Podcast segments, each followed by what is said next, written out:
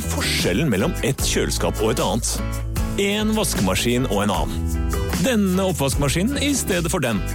Velger du Bosch, får du slitesterke produkter som verken sløser med vann eller energi. Rett og slett bærekraft som varer. Å ja, det er eh, det, Jeg vil si kanskje da, i hvert fall om ikke nordisk, i hvert fall skandinavisk anerkjente Alex Rosén-show. Alex Rosénshow på Radio Rock. Og i, i dag så kan vi garantere at uh, hvis du er uh, såpass forutseende at du følger med fra start til mål, så vil du bli et vesentlig, omtrent 12% bedre menneske av å lytte til denne episoden. Du vil i hvert fall føle deg vekket. Ja, og, og en god del mer motivert, vil jeg anta. Hvordan er det med din motivasjon nå, Alex? Min motivasjon er helt grei. Ja, sånn Hva vil det si, egentlig? Det vil si at jeg er motivert for det meste, Ja. og takler alt, og er Alex Rosén Ja, i dag òg. Ja, for at Motivasjon pleier jo ikke egentlig å komme into it i det hele tatt, for du tar på en måte det som kommer. Som jeg pleier å si, du må ha kontroll på to ting. Kommunikasjon og ledelse. Eh, greit nå, Dette er bullshit, åpenbart, men eh, hva, Det er jo ikke det. Er det ikke? Jeg kommuniserer med deg, du kommuniserer med meg, vi forstår hverandre.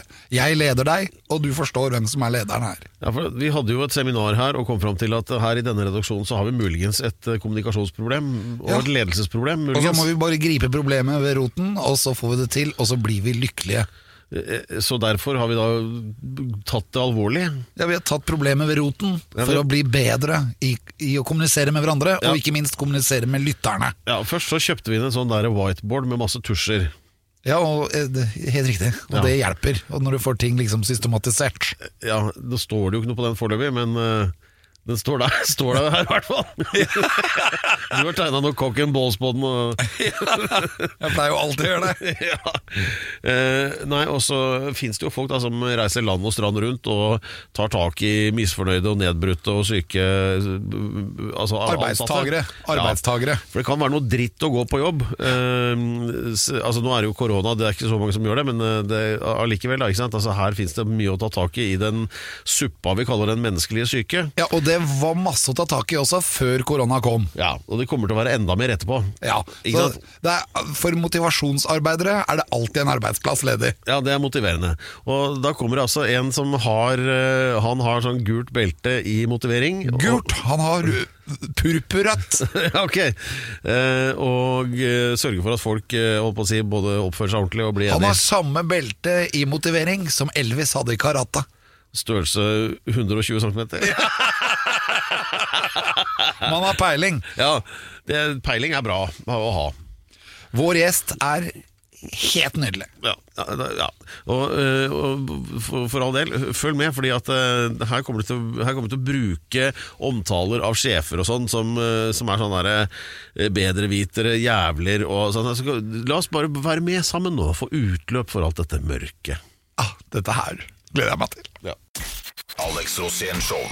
En podkast fra Radio Rock. Pedro, våkn opp. Ja, takk for det. Det er, det er det nye og sterkt forbedrede Alex Rosén-show, og eh, nå skal vi forbedre både oss selv, ikke minst, og for så vidt også deg som lytter på, så gjør deg klar for det. Hvis du mener at du ikke har potensial, så skru av. I motsatt fall, heng med. Og det er altså da sånn at eh, noen ganger så trenger vi litt sånn eh, Hva skal man kalle det da? Sånn emo emosjonelt, mentalt påfyll, ikke sant? For å fungere litt bedre. Vi har blant annet kommet frem til at på denne arbeidsplassen her, Alex Rosén-show, der har vi noe å gå på når det gjelder både motivasjon, ledelse og struktur. Ja, jeg mener at du trenger det, Per. Ja, og jeg mener at du trenger det enda mer. Ja. Og der, der, og der føyer vi oss inn i rekken med alle norske bedrifter. Eh, også, men eh, ulikt eh, de fleste, så gjør vi noe med det. Ja. Eh, vi har kalt inn en gjest som vi tenker at skal fikse dette på samme måte som liksom en eller annen eh, håndverker. da Kommer inn og bare ordner ting ved å skru på noen skruer.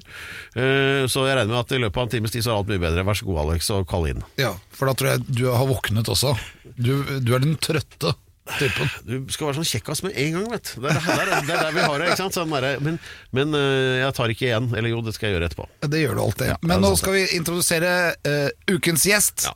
Og hør nå, folkens. Han har fullført det prestisjetunge lederutviklingsprogrammet AFFS, Solstrand-programmet. Oi. Han har jobbet i Dagbladet og i Se og Hør. Han kan takle irriterende kolleger, så som primadonnaer, bedrevitere, skrytepaver, pessimister, gratispassasjerer, superoptimisten, motarbeideren. Det var syv stykker. Vi Ja. mangla deg, Per. Den Men trøtte det syns sto ikke. alle passa på deg, egentlig. Men det han har vært programdirektør i P4. Han har jobbet i Etterlyst på TV. Hvis sjefen din er en idiot, kan du ordne opp med det. Det kommer ikke til å være noen vitner. Mine damer og herrer, her er han, Per Henrik Stenstrøm! Ja da! Tusen takk, tusen takk for en introduksjon. Hei, hei, Per Henrik. Hei, og takk for invitasjonen og introduksjonen. Ja, Velkommen skal du være til Alex Rosén Show. Takk for det. Jeg skal bare gjøre det tindrende klart da, at eh, det du driver med er altså da reise land og strand rundt og motiverer de som behøver det, eh, noe som er ganske mange, eh, til stor åtgaum på, blant de du gjør dette for, og også skriver bøker, blant annet denne, Irriterende kolleger. Den var um, overraskende tynn, den boka der.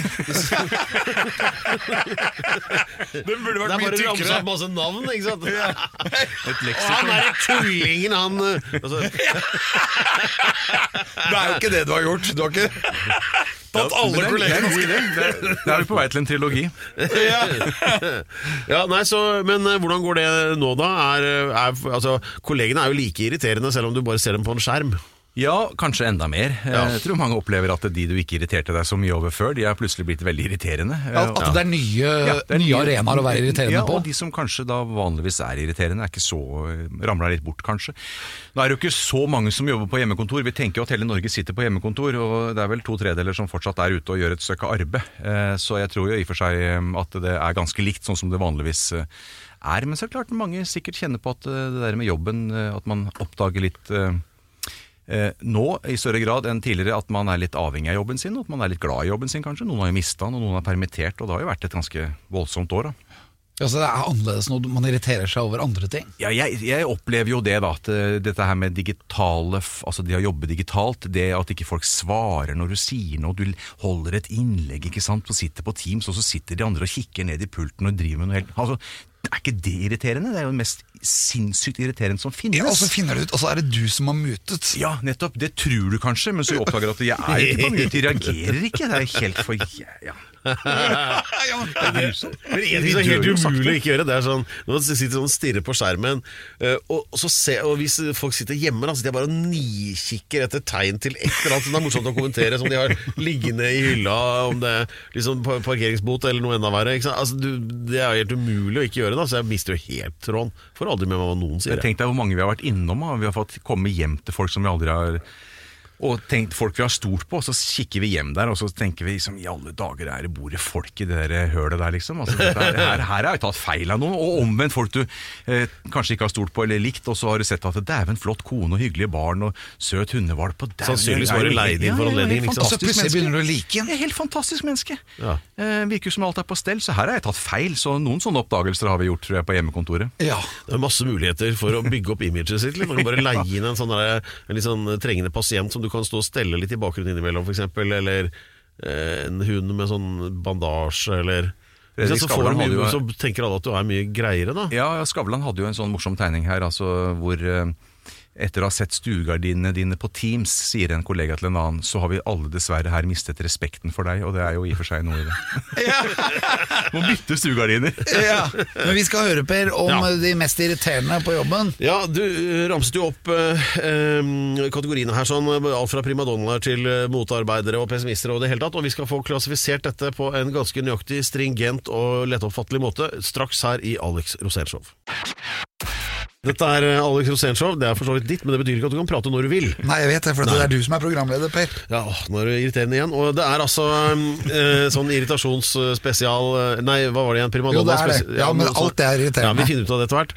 Eh, og vi har besøk av Per Henrik Stenstrøm, som er landets fremste ekspert på å analysere hva som egentlig er problemet på arbeidsplassene, noe som kan være ganske mye, og har altså foredrag for å løse opp i, i, i dette rundt omkring. Da. Og eh, skriver bøker. Og hva, hva, er liksom, hva er grunnen til at det blir så mye trøbbel på arbeidsplassene? Hva er det vanligste problemet? Er det kommunikasjon?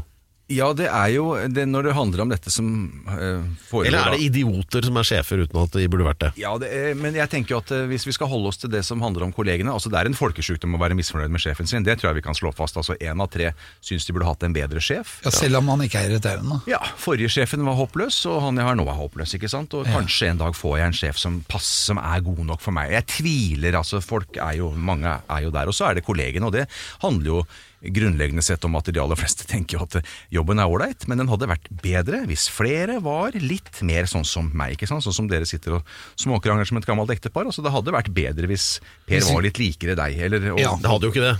Nei, ja, det hadde jo ikke det.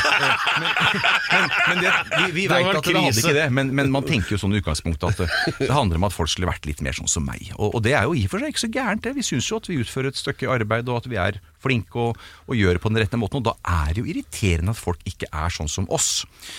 Eh, og så er jo problemet selvfølgelig der når dette her bla, da bare blir en sånn der hvilepute og tenker at det er de andre det er noe gærent med, for det er jo ikke det.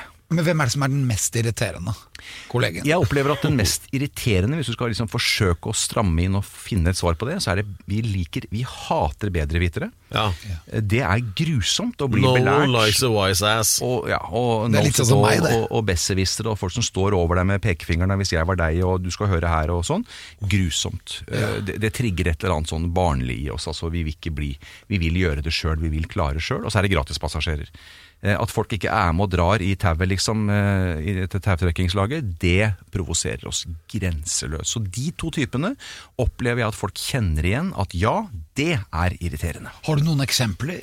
Jeg har jo mange eksempler, jeg har skrevet noen sånne eksempler eh, i, i boka også, men disse her eh, som har den der overlæreraktige eh, tonen, da, hvis du snakker om bedreviteren, som alltid skal være i sånn der veiledningsmodus. Altså, nå skal ikke vi bære noe, noe, myte, noe ved til den der bål, nei, myten om, om, taxisjåfører, men det er klart at det, det er jo noen som, en kjent komiker en gang, som har sagt at det er synd at de som kan styre landet, eh, er opptatt med å kjøre drosje. Og vi, vi, har, vi kjenner oss jo igjen i de som da alltid sitter ikke sant, og kan og veit alt da, i, i, eh, i, i bilen. Ja. Og, og, det, og så kan du se det liksom fra taxisjåførens ståsted. da. De gjør jo bare jobben sin. De kan litt om alt, og de leser aviser, og de følger med, og de mener noe. Ja, De må kunne de masse. fører- ja, så må må kunne. De har sånn eksamen i å kunne eh, Det er vel to ting. Det er masse gatenavn, og så er det jo, blir jo testa på synspunkter på innvandring, vel. For at de skal Ja, De må jo kunne prate med veldig mye forskjellige typer Ja, ja, så mennesker. jeg mener de gjør jo Sånn sett så kan du se det fra Og det er viktig, tenker jeg da, se det også fra, fra deres ståsted. Men i utgangspunktet så er jo bedrevitere folk som aldri lurer på noe. De stiller aldri spørsmål. Og det er jo ikke bra. Er det noen du øh, konkret kan fortelle om nå, som vi kan henge ut Nei, vi har jo, vi har jo jobba i, i en bransje, i mediebransjen eh, alle, vi som sitter her. Det er jo det som er min bakgrunn, og der er det jo mye vanskelige folk. Ja. Uten at vi skal liksom eh, peke på noen, men det fins jo mange bedrevitere i ulike grader, vil jeg si. da. Eh, Og de mener jo kanskje ikke så mye gærent med det. De har jo på en måte bare fått et oppdrag, tenker de, at jeg må jo lære folk litt om ting, og drive med litt veiledning og litt voksenopplæring. Det er jo ikke det et edelt prosjekt, da, men vi liker det jo ikke. Men politikere må det være enkelt å si at de er bedrevitere. Ja, det tror jeg jo i hvert fall eh, at man da eh, Vi liker jo politikere som i hvert fall er litt nysgjerrige, og som lurer på hva, vi, hva som egentlig er problemet, eller hva som ja, foregår på denne skolen eller denne bygda, eller eh, hva vi nå skal uh, få denne politikeren til å mene noe om. da. Uh, men det er klart at de der som alltid har den derre rektorstillingen, altså den derre ja, alltid veit best, da. Storesøsken eksempel, er helt forferdelig. Ja. Uh, Foreldre vi prøver jo å lære barna våre og fortelle dem hvordan ting skal gjøres, men de hører jo ikke på oss. Enda vi, vi er jo bedrevitere sjøl gjennom hele livet også, i, i mer sånne private settinger, da. men det hjelper jo ikke. De hører ikke på deg heller. Nei, jeg, jeg opplever ikke det. Det er i hvert fall veldig Jeg opplever ikke at jeg hører på alt, i hvert fall. De hører i hvert fall ikke på meg. Nei. Hva med deg, Per? ikke. Skal du furte nå, eller? da gjentar jo du bare det samme litt høyere. Men, eh, men altså, når, eh, blir du satt på plass noen ganger, Alex, for å være bedreviter, siden du hevder at du er det? Ja. Men du, har, du er jo en person som har mye kunnskap òg. Mye rar kunnskap, vil jeg si. Jeg har jo vært sammen med deg på noen jobber innimellom og opplevd at du prater om ting som Og da blir man jo imponert når du holder sånne historiske foredrag og sånne ting. Og så er det sikkert settinger hvor du er dritirriterende eh, og skal fortelle om ting som ja, ikke passer seg. Ja, det er det. For jeg, jeg, jeg tror jeg kan være alle de irriterende her. Primadonna, hva er det som kjennetegner primadonnaen? De er jo ekstremt flinke, da. Jeg, eh, har eh, de som da eh, Ja, det er jo liksom Se for oss den der primadonnaen i operaen. Altså, de er de beste, de er gode. Legger lista høyt, stiller enorme krav til seg sjøl og omgivelsene. men men se jo ned på alle som ikke har den der samme standarden som seg sjøl. Så en kollega som er flink, men som veit det, eh, og irriterer andre ved at du da hele tida tenker at de andre må løpe litt fortere og bli litt bedre, og det er klart, da erter du på deg alt som er på jobben. Men du har ikke med psykopaten? Nei, jeg holdt unna. Det får vi psyko psykiaterne holde seg til. Men, men, men det er jo eh, Vi leiter jo etter psykopater hele tida. Og har vi først bestemt oss for at vi har funnet en psykopat, da er vi jo ikke i tvil om Å, herlig! Nå skal vi over i den der deilige sånn derre Hva skal vi kalle det? Asteroidestormen som heter diagnosebingo. Følg med. Alex Rosén Show podkast. Ja, folkens, eh, finn fram eh, valiumet, å si, for nå skal vi videre her i det aller mest irriterende som eh, vedgår alle som har et eh, arbeid. Da vi har eh, motivasjonsekspert Per Henrik Stenstrøm her. eh, og mo- motivere, som alle vet, kommer fra latin motivus, altså sette i bevegelse, via fransk motiver, eller eh, tysk så blir det motiveren. Og italiensk, da? Ja, Du kan holde grisepraten for deg sjøl. Men, eh, men når det gjelder da eh, Per Henrik da, som skriver bøker om det her, så bruker vi da mer det som du kaller moderne motivasjonsteori. Eh, hva er det som er moderne motivasjonsteori? Nei, det, det har jeg egentlig ikke skrevet om i denne boka her. Eh. Jeg føler ikke at det er som Jo, det er kanskje litt moderne. Skal vi si at det er moderne? Ja. ja. Nymoderne Jeg syns i jeg hvert er fall at den bedreviterske inngangen til Per med sånn hvor belært oss litt om hva Ja, men nå ble jeg bare irritert Men nå ble jeg irritert på Lance der borte, som driver med research. Da han som sa det at du skriver om moderne motivasjonsteori, men som vanlig så har han bare skrevet noe på, som liksom og later som han har sjekka det, da, ikke sant? Det står på nettet. Ja, ja, der, da, da, da, er det jo ingen grunn til å betvile noe som helst hvis det står på nettet. Så, så, sånn er moderne research, da. Men, eh, men ok. Ehm, eh, jo, hvor var vi? Eh, Det var motivering Der ser du. Klarer å få opp irritasjonsnivået ganske fort. Det Jeg, er jeg, er irritert på deg nå, Per. Ja.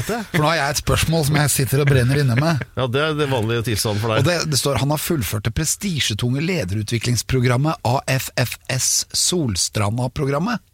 Hva er det? Ja, Det er et lederutviklingsprogram ja, som uh, Det er som eh, rehab. prestisje Det er et veldig, et veldig fint eh, lederutviklingsprogram som jeg vil anbefale ledere å gå. Eh, hvor man eh, får litt ny innsikt eh, og lærer å bli litt bedre kjent med seg sjøl, først og fremst. Og hvordan man virker på andre mennesker. Og det er jo en nyttig ferdighet for ledere. Hva er, hva er det som er viktig da? Kan du si noe kort om det? Nei, men Det handler jo litt om at man For det første så er det designet på en sånn måte at du er sammen med ledere fra en hel haug med ulike typer virksomheter, på stort sett på samme nivå. da. Eh, og så bor du Det er liksom å være på en sånn realityshow. Du er sammen 14 dager av gangen, så de samlingene er veldig lange. Veldig sånn gammeldags lange. Dette er jo et eldgammelt program hvor man da har tenkt at det eh, å gi noe tid, det setter i gang et eller annet. Altså Det er ikke inn sånn en helg og to dager og sånn, én overnatting. Dette er to uker i slengen. Litt sånn som 71 grader nord? Ja, altså du, du kommer, du lurer på første dagen liksom, og du er vant til å være aktiv og travel og holde på, og så plutselig kjenner du at skal jeg være her i 14 dager, dette kommer til å gå, jeg kommer til å gå på veggen. Å... Var alle de andre irriterende? Eh, nei, de var ikke det. Eh, I begynnelsen så tenker man at oi, de er veldig forskjellige fra meg, og så er det jo derfor man går der, og man kjenner at eh, vi har så mye felles, da. Eh, og, selv om man da er toppleder i et, eh, hva skal jeg si, telekomselskap, eller man jobber i, en Vy, eller om man driver i mediebransjen, som jeg gjorde, eh, så er jo dette her eh, Det handler om det samme. Altså det å lede mennesker og det å ja, forsøke å få flest mulig folk med seg. da, eh, Lede gjennom andre. det er jo det som, eh, Og jeg jo, hadde jo vært i mediebransjen i veldig mange år og trodde jo at ledelse handla om å sitte på fangen til sjefen, og sånn skal det gjøres, fordi sånn har vi alltid gjort det. Eh, Og mediebransjen er jo ikke et sted sånn i utgangspunktet, bortsett fra NRK, kanskje noen av de store som er si spesielt gode på lederutvikling, er jo ikke det. Ja, For der er jo hovedargumentet ofte det at jo, sånn skal det gjøres, fordi så, sånn gjør vi det alltid. Ja, Det det og, det, og, og, det er alle ikke noe, og det er ikke noen andre bransjer som har noe å lære oss, for vi, det vi driver med er så spesielt. Det er jo ikke sånn som er typisk for mediebransjen.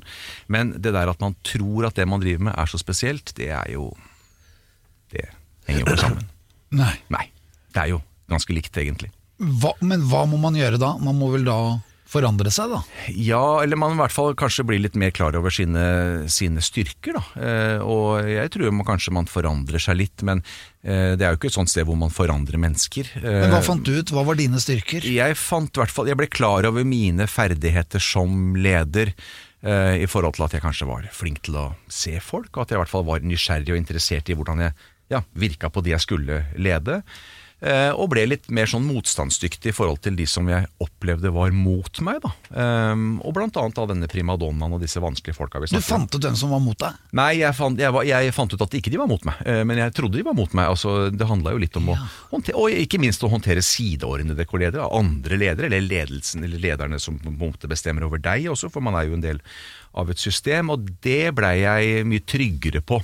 Eh, I forhold til å tenke at eh, det, det, det er ikke sånn at eh, noen er ute etter deg nødvendigvis, eller ja, bli litt mer sånn robust på det, da, og tenke at dette her handler jo om å nå et felles mål, og at vi skal gjøre det på en, på en best mulig måte. Kunne du forholde deg da til de som du trodde var mot deg på en annen måte, da, eller?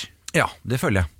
Jeg føler at mange av de jeg egentlig ikke likte så godt, og, og det handla spesielt kanskje om, om de som da var på litt samme nivå, at eh, jeg ble litt tryggere på at det handla jo ikke, og ble jo egentlig oppdaga gjennom noen sånne prosesser også, ved å gjøre litt sånne i sånne testverktøy. ikke sant, og Det der å sette litt sånn navn på og typer og personlighetstester og sånne ting, er veldig mye rart der. eh, Og ikke noe av dette her. Alt eh, er litt sånn, lekker litt vann, alt sammen i og for seg.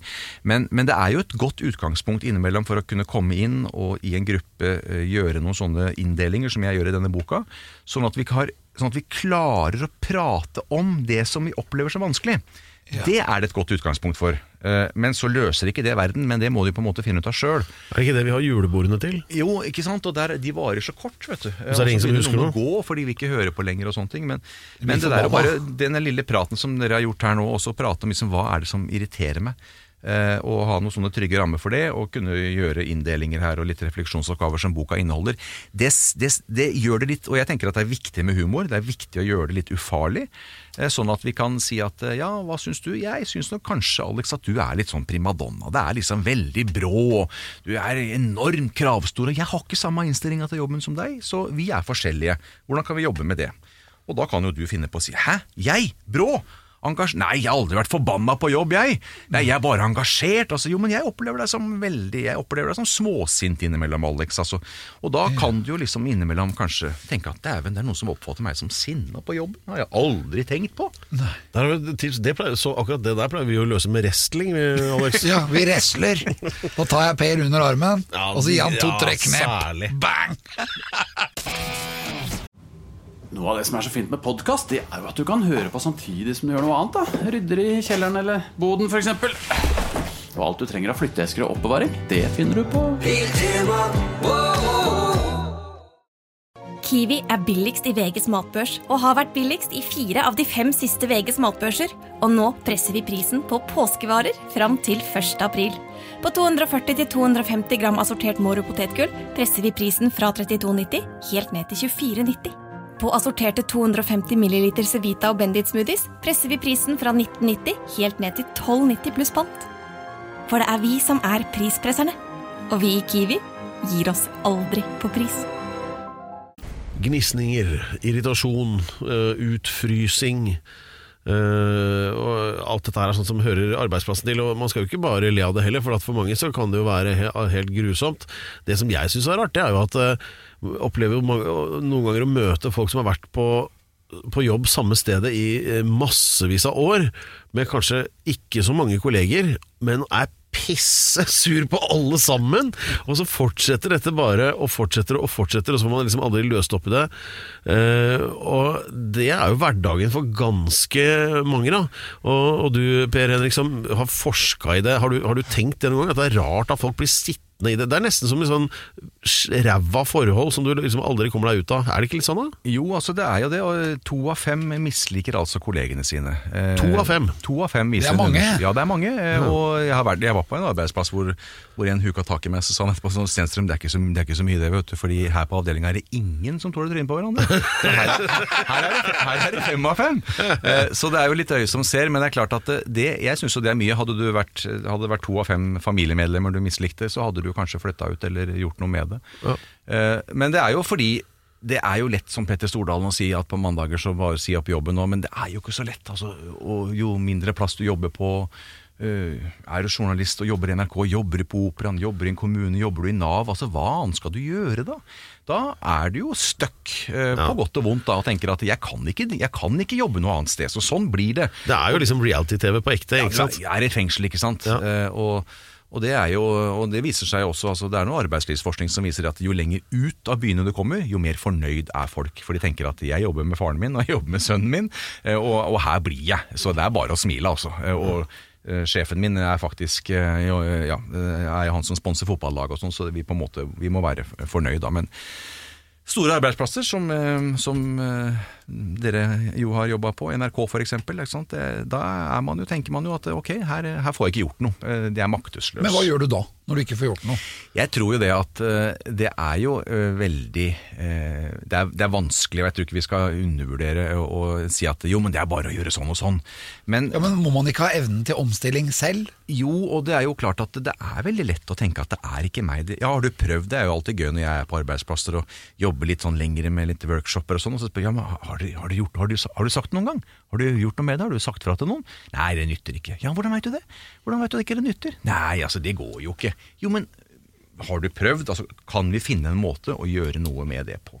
Prate med noen. Ikke gå til ledelsen nødvendigvis, men altså hvis det er ett vanskelig forhold, eller hva er det som gjør dette her? Og da er det jo ikke så mange andre veier til mål enn at vi må prate om det. Det er, gjelder, det er ikke tanken som teller her, da, som eh, i mange andre tilfeller. Eh, og da må man til bordet og, og prate om det man opplever som, som vanskelig. Eh, og det tenker jeg jo at mange arbeidsgivere kan stille litt sånn strengere krav egentlig til eh, sine ansatte. Det er jo altfor mange som går rundt og tenker at det her får ledelsen rydde opp i. Det er Ja, ikke mitt problem. Men det, det, det du snakker om, det er sånn der ta den fram og ta på den type tilnærming. Da, ikke sant? Altså snakke snakk om ting. Jeg husker, det, sånn jeg husker det første gangen jeg oppdaget at, det, at de voksne Altså jeg var liten, da, så hadde jeg vært på juletrefest med min mor, som var sånn leder på et sted. Hvor da var det jo eh, taler, sant, og alt er så flott, og den og den har vært så flink med til det og det, og skryting og skryting og skryting. Og tenkte, det høres ut som at alle er veldig Og så eh, dro vi hjem, og da var det et par av hennes venner da, som var med, av de 20 som hadde vært på den samme.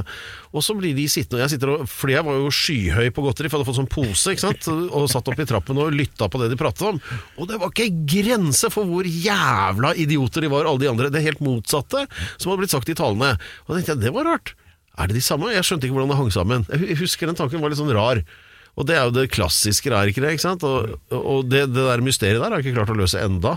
Eh, Og nå er jeg passert 50. Hva Så- tenker du? Nei, det, det er jo, eh, og jeg kjenner jo eh, den første jobben min. Jeg hadde en sjef som jeg syns var veldig jeg synes han var veldig tøff. Han prata om at alle var idioter, og, og han rista folk. Og, og jeg syns det var kjempekult å ha en sjef som liksom Han la på røret og sa liksom, 'jævla idiot', sa han. ikke sant? Jeg ga, jeg ga han inn, vet du. Så jobba jeg der vel, jeg der et år, men i og for seg, og så gikk det ei uke og to, og så tenkte jeg at det er litt dumt hvis alle er idioter her, for jeg jobba nemlig i flyselskap. Så det er litt kjedelig hvis eh, alle i det flyselskapet var dumme. Da hadde jo fly- flya begynt å ramle ned. Så, så jeg skjønte jo etter hvert at det, det kan ikke være sånn, da. Men jeg tror kanskje den der interessen, litt som du sier da, Per, ble vekka den gangen. Da. Hva, er, hva er dette her for noe? Hvorfor, eh, hvorfor, hvorfor mener vi så mye om alle andre? Ja, Nei, jeg vet ikke. Det er, det, man må begynne med seg selv, høres det ut til. Eller hva? Ja, og det er jo eh, selvfølgelig, så, eh, som jeg sa her innledningsvis, det er jo sunt å irritere seg litt. Problemet er bare at eh, vi får ikke gjort så veldig mye en, en, før vi finner noe forskning, da, eller før vi finner noen tabletter, eller noen på en måte, noe, at vi kan liksom lage disse kopiene av oss sjøl. Og da handler det jo om å forsøke å ja, lese bruksanvisninga på de folka som irriterer oss. For alle, vi har en bruksanvisning, og det er jo det jeg vel egentlig har forsøkt å gjøre her. Lage noen bruksanvisninger på de mest irriterende folka. Og så er vi ikke så glad i å lese bruksanvisninger, vi gidder jo ikke det. Vi vil jo bare at ting skal funke. Og når vi får problemer, så leser vi bruksanvisninga. Men kanskje gjør vi ikke det så veldig eh, når, vi, når det er folk vi ikke funker med, men det, det er egentlig Jeg pleier å le av dem, jeg. At jeg ler av det. ja. At jeg syns det er morsomt, og så lager jeg noen vitser om det. Ja, men det er jo en veldig sunn måte innimellom å overleve på det, da.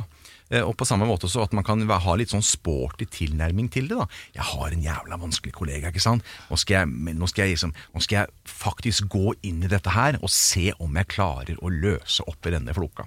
Eh, og, og det er jo da eh, Da gjør du litt mer enn jeg bare le av det, men da kan du da kanskje nærme deg dette her med et lite glimt i øyet og tenke at det her er mitt lille eh, eksperiment nå. Skal vi se. Ja. Jeg husker jeg hadde det sånn med læreren min en gang. Han eh, het et eller annet, men jeg kalte den ikke det. Jeg kalte den bare Lammis. altså Hver gang jeg kalte den Lammis, så sa han «Øh, 'Jeg heter ikke Lammis'! og så sa han hva han het, da. Men jeg, jeg syns han var litt lammy. Ja, ja, men du har jo en sånn egen evne til å få Jeg vet ikke om noen som har fått sparken så mange ganger som, som deg, Alex. Ikke, ingen som er i nærheten engang. Nei. Uh, er det noe rød tråd Altså Nå er det jo egentlig sånn uh, tid for uh, si, din historie som er relevant i forhold til dagens tema, så da tenker jeg det måtte i så fall ha vært det, da. Er det noe som renner deg i hu? Sånn, Ja. Er det noe rød tråd i dette? Ja, jeg vet ikke helt. Jeg, det, jeg får jo, har jo fått sparken små, stort sett hele tida. Hvor mange ganger er det? Og jeg vet ikke, og sånn fra alle typer jobber, så kanskje 30 ganger. jeg fikk det i militæret òg til slutt. Ble kasta ut. Men så har du blitt henta inn igjen nå, da. Ja, jeg får alltid jobben tilbake igjen. Hvor mange ganger fikk du sparken i NRK? I NRK har jeg fått kanskje ti ganger, tolv ganger.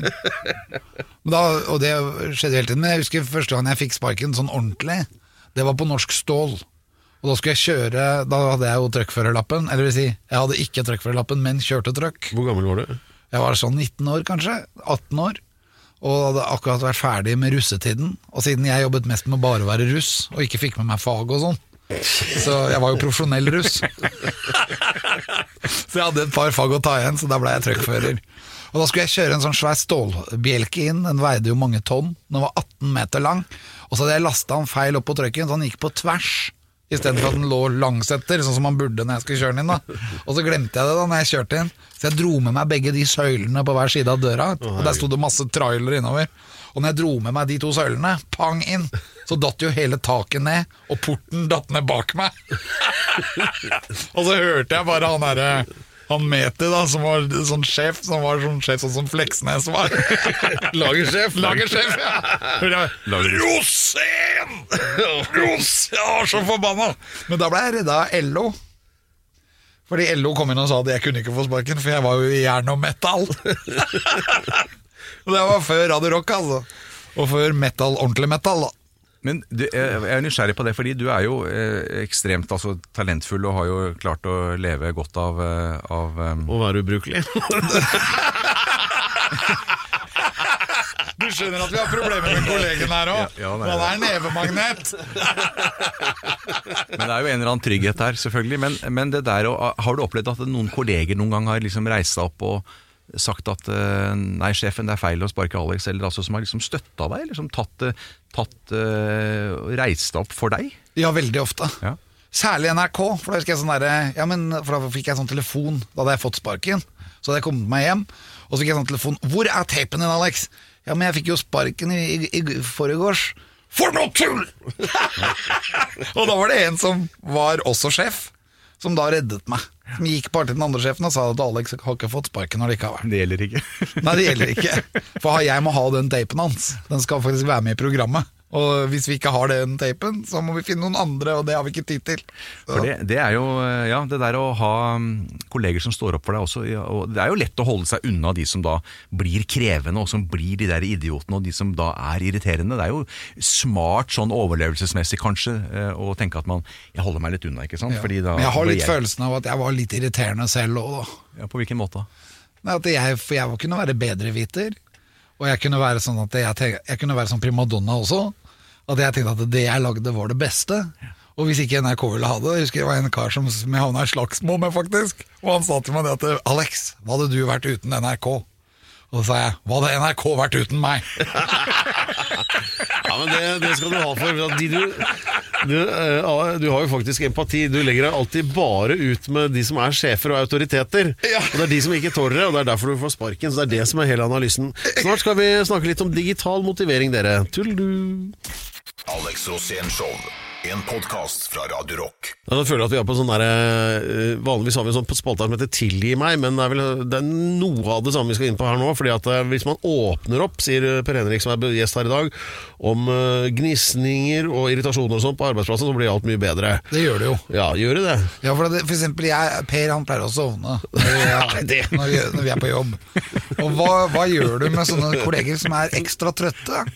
Nei, da lurer jeg jo på om det faktisk stemmer, da. Om man faktisk virkelig sovner. Du tror han lekesover? Nei, men eller, Fordi det er jo mange som tenker at de følger jo ikke med, disse folka, når jeg eh, prater til dem, eller når jeg sier noe i møte. Men så kan det hende at de tenker, eller at de faktisk sitter og vurderer det du har sagt. Eller, altså. Men vi reagerer jo litt ulikt. Men det er jo alltid det der å undersøke først. da, Er, det sånn at du er veldig trøtt i dag, eller så, har du sovna nå, eller vet ikke. Per, men, det er det er, men vi var jo enige om det at, eh, som de sier i eh, Forsvaret, som vi begge er glad i, der lærer jo blant annet at en god soldat sover når han kan. Ja, Og, og jeg ville jo tenkt sånn at eh, hvis jeg hadde vært i gang med å fortelle en kollega noe som jeg vet jeg har fortalt 689 ganger før, og vedkommende sovner, så ville jeg egentlig forstått det. ja. Da Så kanskje, ligger- det skal, kanskje det er noe med ditt eget materiale som skal gjøres noe med, da. Ikke sant? Ja, Hvis Det er ditt sovner. problem, Alex, hvis han sovner. Du må holde den våken. Jeg er ikke morsom nok. Nei, du må holde må våken. Du må fortelle noe interessant. Men den trøtte kollegaen, det er jo sånn at noen steder så har man jo lagt opp til seng, faktisk, på jobben. Det er jo mange arbeidsplasser som tenker at folk må slutte å dra hjem, de må være her på jobb. Ja. Og Jeg har vært og holdt litt foredrag for Google både i, i Norge og Sverige, og der er det jo helt fantastisk. Det er jo sånne hvilesenger, og det er avlukker, og det er mat og drikke, og det er, ikke, det er liksom den lekreste frokost, og det er lunsj, og det er middag, og alt av muffins til sunnmat, og jeg mener det er jo Så egentlig så sier arbeidsgiveren du behøver ikke å dra hjem. Vi har shuffleboard her, vi har biljard, vi har bordtennis, vennene dine er her. Må du virkelig dra hjem og sove de sju timene? Du kan ligge her. Så at arbeidsgivere gjør mye for å holde oss lengst mulig på jobb, er jo ingen tvil om. Det, Det er sånn Per tenker, at han ikke vil dra hjem. Det, det har jo hendt. Ja, Du vil ikke hjem du, Per. Du vil være sammen Jo. med meg hele tiden, du. at dere, Ja, vi sier det. Men altså øh, øh, mm, jeg er, Som du har lagt merke til, jeg har allerede blitt et nytt menneske jeg nå, Alex. Jeg motsa deg ikke på det. Jeg ser at du har begynt å gjespe igjen også. Så. Ja, det er, bare på gang igjen! Per, Per, våkne opp, våkne opp. Nei, men altså, øh, altså Dette pågående realityshowet som foregår på alle norske arbeidsplasser, da, med, med altså, baksnakking og, øh, og alt det her Det er sånn, Noe må påregnes. Men for å unngå å være den de andre misliker, har du noen sånne grep for det? Fordi det vanskeligste er jo alltid å skjønne hvordan en selv blir oppfattet av andre. ja. Men det kan jo hende at de har grunn til å synes at du er en tulling. Kanskje du er en tulling. Hva kan du gjøre med det? Ja, og det er det syns jeg er veldig gøy når folk eh, har lest denne boka og så sier de at eh, jeg var mest nysgjerrig på å finne ut jeg, altså hvorfor jeg er irriterende, eller om jeg er irriterende. Og det er jo i og for seg et bra utgangspunkt, og da jo, begynner du liksom å, å undersøke litt dette her. Og ikke fordi, skal, fordi jeg nødvendigvis skal forandre meg, men det kan jo være nyttig å vite hva er det jeg eventuelt irriterer, som er det som irriterer Alex ved meg, hva er det som irriterer Per ved meg? Ok, da kan jeg jo kanskje justere kommunikasjonen min litt i forhold til disse typene, hvis jeg ser at det kan være hensiktsmessig da, i forhold til oppgavene vi skal løse sammen. Og da må du jo inn og spørre og snakke om dette her, da, og lure på liksom, uten at man skal sette seg i stoler i ring nødvendigvis og holde hverandre i hendene. Og holde på som pute. Nei, ikke sant, altså, behøver jo ikke gjøre det. Røkelse. Eh, Men å bare undersøke det altså, Ble du irritert nå, Alex, når jeg sa dette her? Jeg, bare, nei, jeg var litt usikker, altså, uten at vi skal gjøre det altfor noen dyppsykologisk. Men å ha litt sånn radaren oppe på, på dette her, tenker jeg jo da er eh, er litt ålreit, og det forventer jo arbeidsgiverne våre også, og at vi skal jo tross alt da jobbe best mulig med de vi uh, eh, er i team med, eh, og ikke at vi bare skal holde oss til denne fanklubben. Jeg skal tørre å gå til Alex med en vill idé, et rart forslag, et problem jeg har, selv om jeg veit jeg får juling og jeg må høre om Tordenskjold eller et eller annet, altså, så, så skal jeg liksom da, da er det bra for arbeidsplassen og for den, istedenfor å bare holde meg til den der faste fanklubben som jeg liker å jobbe med, for der er det så gøy, ikke sant? Det, det er jo egentlig ikke arbeidsgiveren noe glad i. Jeg vet hva jeg pleier å si. Jeg har en sånn standardfrase når alle er irritert over meg. Da pleier jeg å si som Sokrates Det eneste jeg vet, er at jeg ikke vet. Da er Da blir du enda mer irriterende. da. Enda mer. Men det er jo, eh, vi kan jo mene mye om oss sjøl og tro at vi sitter på fasiten av hvordan vi er, og det, det gjør vi jo ikke, da. Det er jo i og for seg, som Per sier, hvordan andre oppfatter oss, som jo er den derre Kom, kom på en annen sånn analogi på akkurat det der. At Det dette er way back da min søster, som var, på dette tidspunktet var sånn fire-fem år eller noe, hadde overhørt uh, vår far, da, som var sjef, da? Og som eh, hadde fått en telefon, og så, og så Ja vel, ja ja, ok, kom med det, da. Og så legger han på. Og så sier han da til mutter'n eller noe da, at det var av fanden til fyr som skal bry mase om dette sånn på kvelden, eller et eller annet sånt. da. Og så Ti minutter etterpå så ringer det på, og så kommer det en fyr da, som sannsynligvis prøver bare å være sånn oppofrende og flink. da. Og så hvorfor søsteren min går bort til han og sier, kikker opp Er det du som er fanden til fyr? ja, avslørt. ja, funker ikke det heller.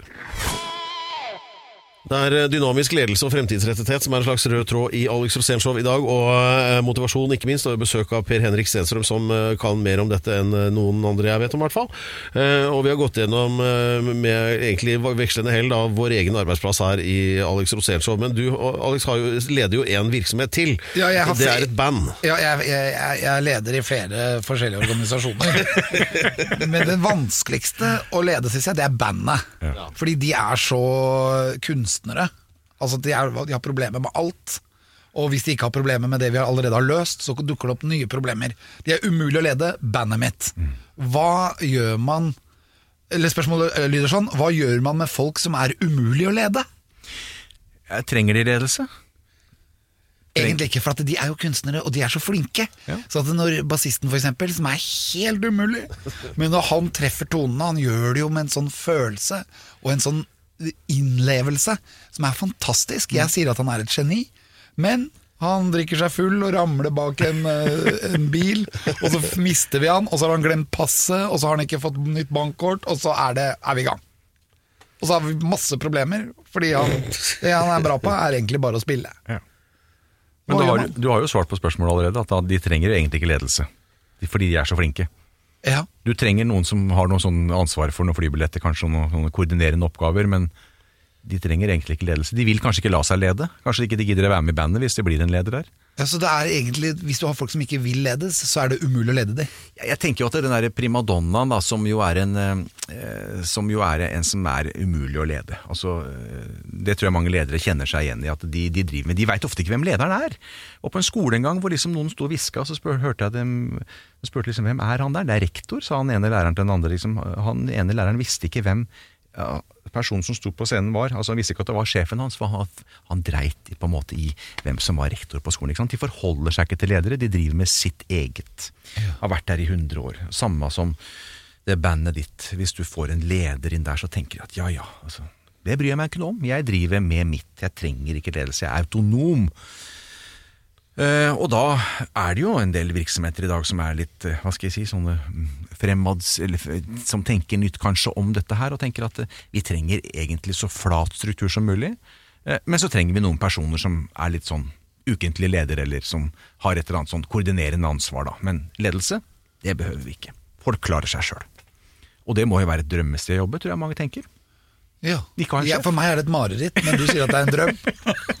Men spørsmålet er jo egentlig da om eh, Og da får man jo bli eh, enige kanskje om hvem som skal ha lederrollen, eller om det er naturlig at det er noen som eh, har noe mer ansvar enn andre. da, Men det er jo ganske sånn klassisk i sånne kunstnere og ja, operaen eksempel. Altså det jeg mener, det koker jo overalt i alle operaer i hele verden. det ja.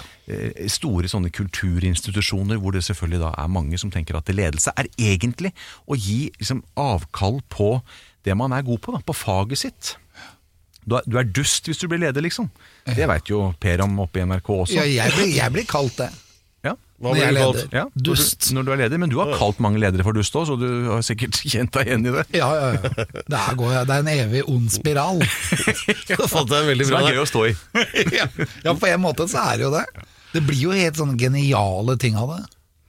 Men det er ingen oppskrift på det. Du har ingen det. oppskrift på det. Jeg tror ikke det. Nei, Jeg drev og søkte her nå på sånne gode sitater om ledelse. Jeg tenkte er sikkert noe Aristoteles eller noe sånt. Og så er det en av de 68 sitatene godt sagt om ledelse. Det er fra Torbjørn Jagland.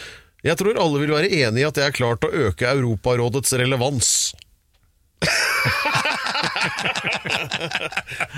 ja, det var det beste de hadde om det. Ja da! Jagland er fin, han.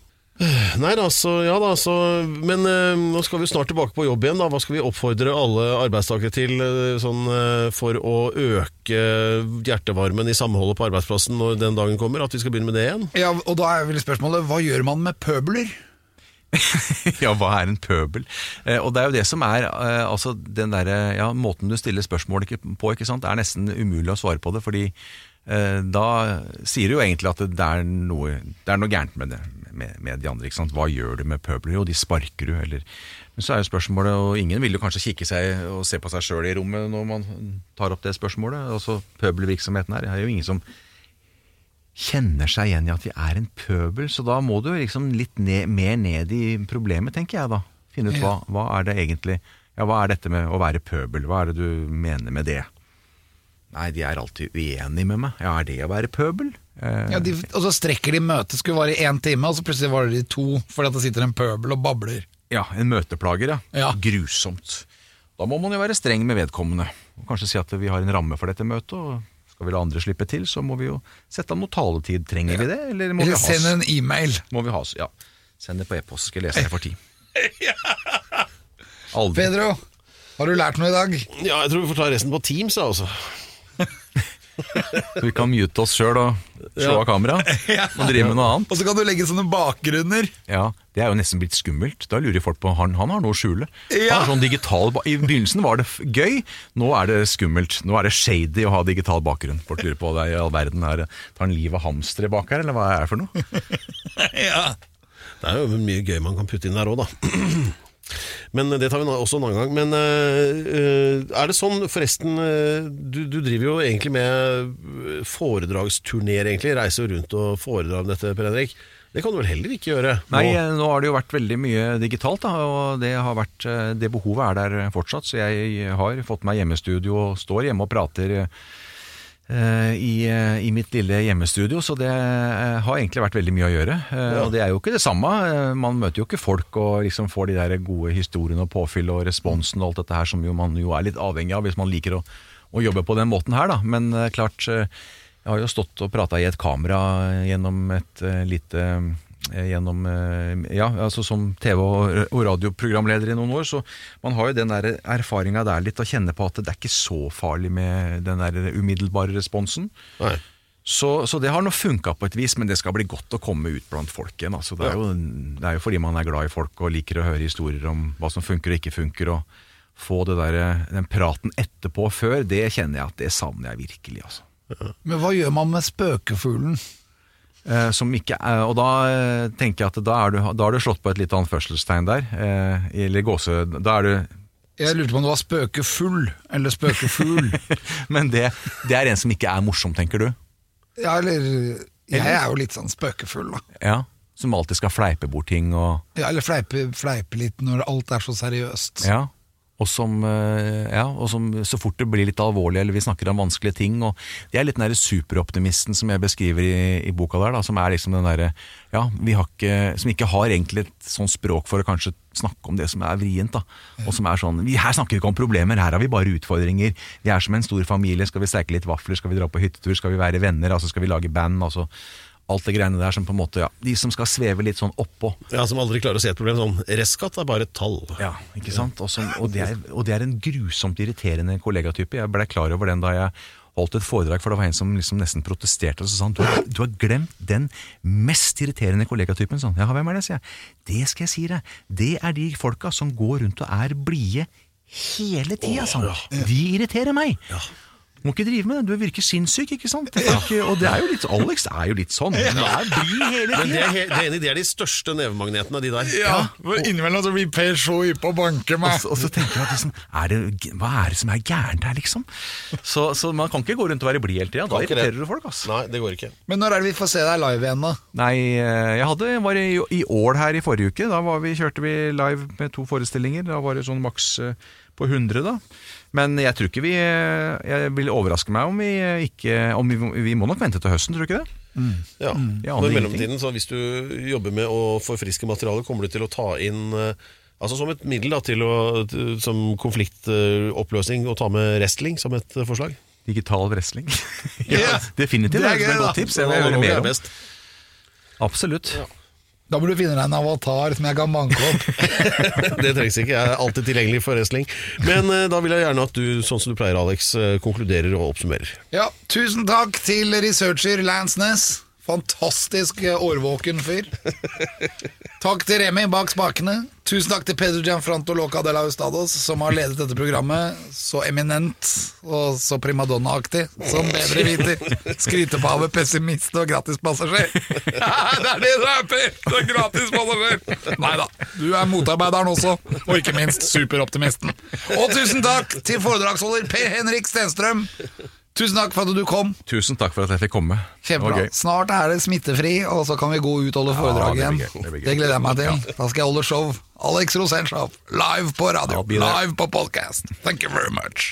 Alex Rosénshow på Radio Rock. Ny episode hver fredag der du finner dine podkaster. Radio Rock.